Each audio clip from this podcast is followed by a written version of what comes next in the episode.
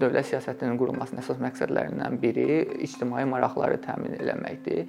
İctimai maraqlar hazır bir məhsul deyil. Yəni ictimai marağın formalaşması, onun müəyyən edilməsi müxtəlif cəmiyyət qruplarının, müxtəlif maraq qruplarının çəkişməsi, müzakirəsi və konsensusu nəticəsində başa gəlir.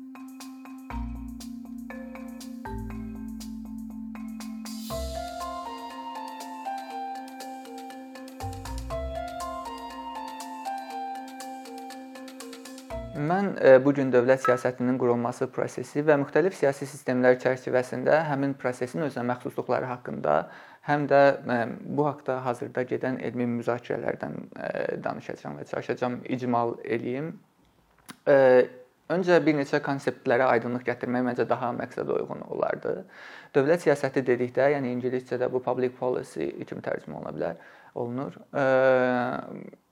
Ənənəvi siyasət anlayışı ilə, yəni politicslə, güc münasibətləri ilə əlaqəli olsa da, həm də fərqlənir. Bizim dilimizdə ikisi də siyasət kimi tərcümə olunsa da.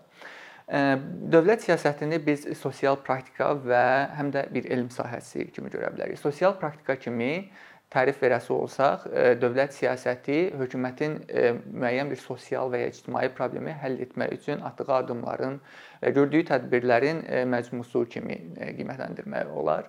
Təbii ki, bir praktika kimi dövlət siyasəti dövlətlər mövcud olandan bəri mövcud olmuşdur.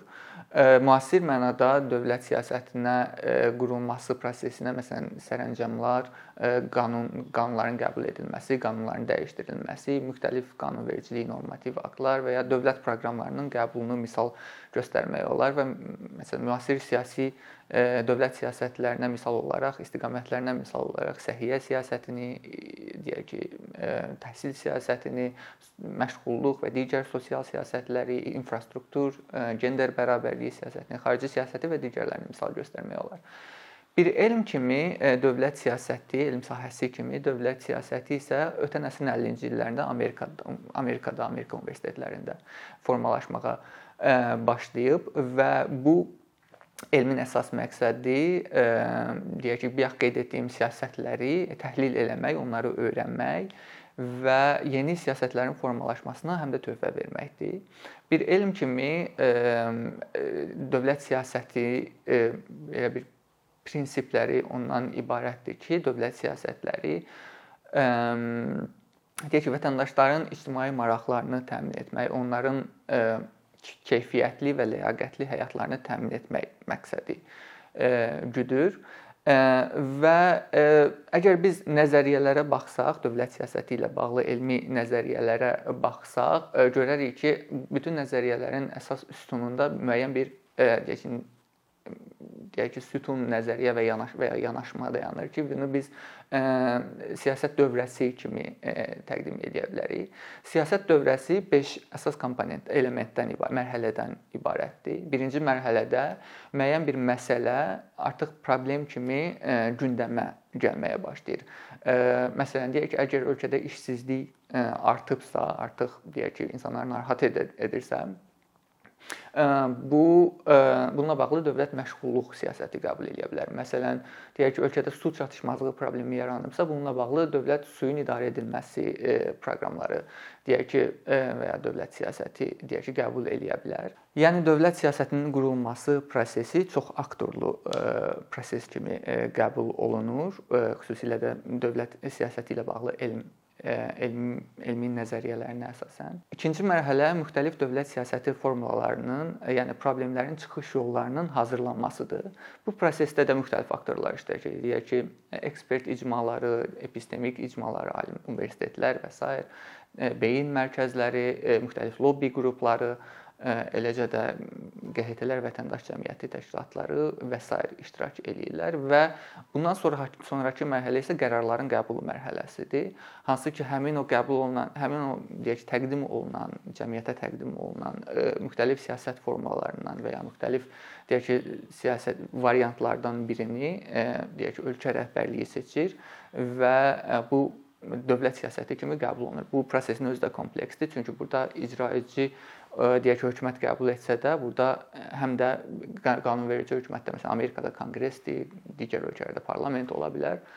Bunun müzakirəsi, çəkişməsi gedir və müəyyən deyək ki, düzəlişlər də oluna bilər həmin mərhələdə dövlət siyasətində. Növbəti mərhələ qanunun icrasıdır ki, burada və ya dövlət siyasətinin icrasıdır ki, burada əsasən bürokratiya iştirak eləyir. Məsələn, nazirliklər, daha aşağı səviyyəli bürokratiya və s. Növbəti mərhələ və sonuncu mərhələ isə bunun qiymətləndirilməsidir. Yəni deyək ki, qəbul olunan siyasət həqiqətən də problemin həllinə töhfə verdimi, kömək elədimi və əgər problem hələ də qalmaqdadısa, bu dövrə belə davam eləyir. Yəni yenidən qəbul olunur və icra olunur, implementasiya olunur və qiymətləndirilir. Əgər e, diqqət etdinizsə, bu prosesin özü e, çox aktorlu prosesdir və e, xüsusilə də bu nəzəriyyə hansı ki müxtəlif siyasi proseslərin təhlili ilə bağlı müxtəlif nəzəriyyələrin bir növ fundamenti rolunu oynayır. Özü Amerikada e, formalaşdığına görə müxtəlif maraq qruplarının burada iştirakını nəzərdə tutur, güman eləyir. Çünki bu liberal demokratik sistem üzərində e, qurulmuş e, gümanlardır, təsəvvürlərdir. Amma hal-hazırda dünya əhalisinin səfərimə son göstəricilərə görə 72%-i liberal demokratiyada yox, avtoritar idarəetmə altında yaşayır. E, yəni dünyada daha çox avtoritar ölkə var, nəinki demokrat, liberal demokratik ölkə. Belə olan şəraitdə bəs bu siyasət, dövlət siyasətinin qəbulu prosesi necə baş verir? Düzdür, ən avtoritar idarəetmənin özü də deyək ki, müxtəlif formaları var. Məsələn, deyək ki, hərbi idarəetmə var, tək partiyalı idarəetmə var, daha personalist, avtoritar e, rejimlər var və s. Amma onların özünə məxsus bir xarakteri var ki, onları liberal demokratiyadan fərqləndirir, xüsusilə dövlət siyasəti qəbulu baxımından. Liberal demokratiyada sistemdən, siyasi rejimdən kənarda olan aktorların dövlət siyasətinə təsir imkanları var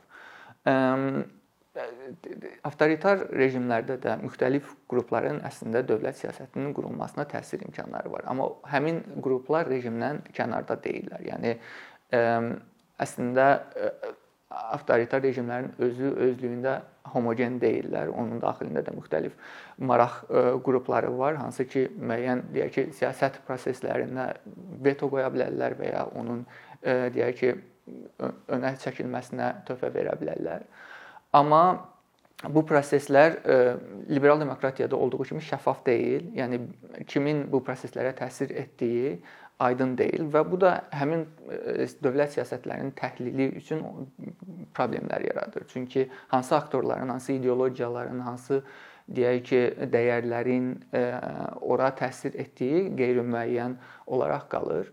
Bu baxımdan bu həm də elmdə bir boşluq kimi görünür. Çünki xüsusilə də qeyri-demokratik ölkələrdə dövlət siyasətini təhlil etmək çətinləşir, çünki bunun üçün yetərli məlumat yoxdur. Avtoritar idarəçilikdə e, qanunların qəbulu mexanizmləri ilə bağlı məlumat çox olmasa da, daha çox genişlənmiş, oturmuş bir avtoritar institusionalizm ədəbiyyatı var ki, o göstərir ki, deyək ki, müxtəlif avtoritar idarəçilik, demokratiya, demokratik institutları necə mənimsəyirlər ki, e, qəbul edirlər ki, öz deyək ki, idarəçiliklərini legitimləşdirsinlər. Məsələn, seçkilər, məsələn, parlamentin özü e, burada e, əhəmiyyətli bir rol oynayır. Məsələn, deyək ki, liberal demokratiyada parlament qanun layihələrinin, müxtəlif dövlət siyasətlərinin müzakirəsi platforması müstəvisidirsə, həm də həm müxtəlif siyasi partiyaların prosesdə iştirakı müstəvis müstəvisidirsə, avtoritar rejimlərdə parlamentin rolu daha fərqlidir təbii ki. Burada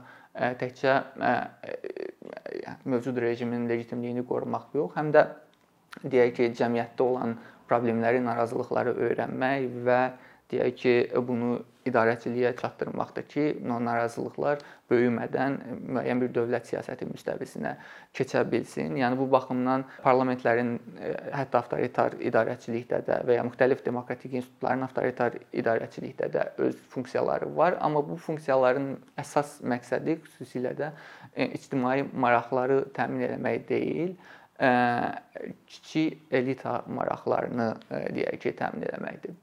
Biz e, bayaq qeyd elədik ki, dövlət siyasətinin qurulmasının əsas məqsədlərindən biri ictimai maraqları təmin etməkdir. İctimai maraqlar hazır bir məhsul deyil. Yəni ictimai marağın formalaşması, onun müəyyən edilməsi müxtəlif cəmiyyət qruplarının, müxtəlif maraq qruplarının çəkişməsi, müzakirəsi və konsensusu nəticəsində başa gəlir. Və eləcə də məsələn insanların deyək ki, keyfiyyətli və deyək ki, ləyaqətli həyat standartlarının müəyyənləşdirilməsi də həmçinin. Avtoritar idarəçilikdə belə deyək ki, müzakirələrin və ya belə məlumatların, deyək ki, sorğuların və ya müxtəlif maraqların ifadəsinin, özünü ifadəsinin imkanları olmadığına görə bu müəyyən siyasət proseslərinin ictimai maraqlara uyğun olduğunu iddia eləməkdə çətinləşir və bu baxımdan avtoritar idarəetmə sistemlərində qəbul olunan dövlət siyasətləri heç də həmişə deyək ki, cəmiyyətin tələbatlarına uyğun ola bilmir və buna uyğun qiymətləndirilə bilmir, buna uyğun icra oluna bilmir və bu özü özlüyündə deyək ki, həm də avtoritar sistemlər üçün problemlər yaradır. Təbii ki, belə problemlər liberal demokratik sistemlərdə də mövcuddur, amma ə, ən azından məlumat çoxluğuna görə ə, deyək ki, daha ə, az risklər qəbul eləyir, siyasət qəbul et, yeni siyasətlər qəbul edəndə avtor deyək ki, demokratik idarəçiliklər nəinki avtoritar idarəçiliklər və bunun əgər biz e, sırf dövlət siyasətinin təhlili kontekstinə salsaq, e, biz görərik ki, əsasən e, bütün bu nəzəriyyələr liberal demokratik şəraitdə formalaşdığına görə biz e, həmin nəzəriyyələr əsasında avtoritar idarəçilikdəki dövlət siyasəti proseslərini təhlil edə bilmirik. Çünki e, burada çox fundamental e, fərqlər var bir-birinin arasında. Mən bayaq qeyd etdiyim kimi aktorların iştirak etməməsi, ə, məlumat azlığı, ictimai maraqların burada nə qədər təmin olunub olunmaması məsələsi, kimlərin daha çox təsir eləmək imkanı, ümumiyyətlə bu qərar qəbul ediciliyində kimlərin iştirak eləmək imkanı və s. Bu baxımdan xüsusilə də avtoritar dövlət siyasəti qəbulu və ya dövlət siyasəti prosesinin öyrənilməsinə, xüsusilə də elmi müstəvidə hal-hazırda daha çox ehtiyac yaranıb.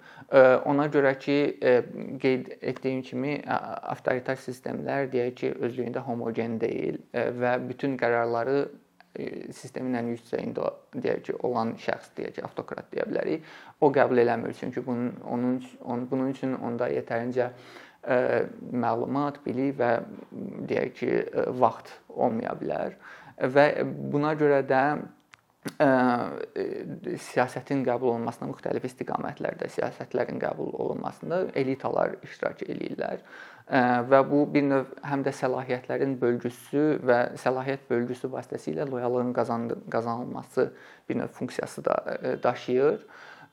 Bu proseslərin öyrənilməsi həm də elmi müstəvidə töhfə verə bilər ki, xüsusilə də dünyanın dünya əhalisinin böyük bir hissəsinin yaşadığı avtoritar rejimlərdə siyasət proseslərini daha dərindən anlamaq mümkün olsun.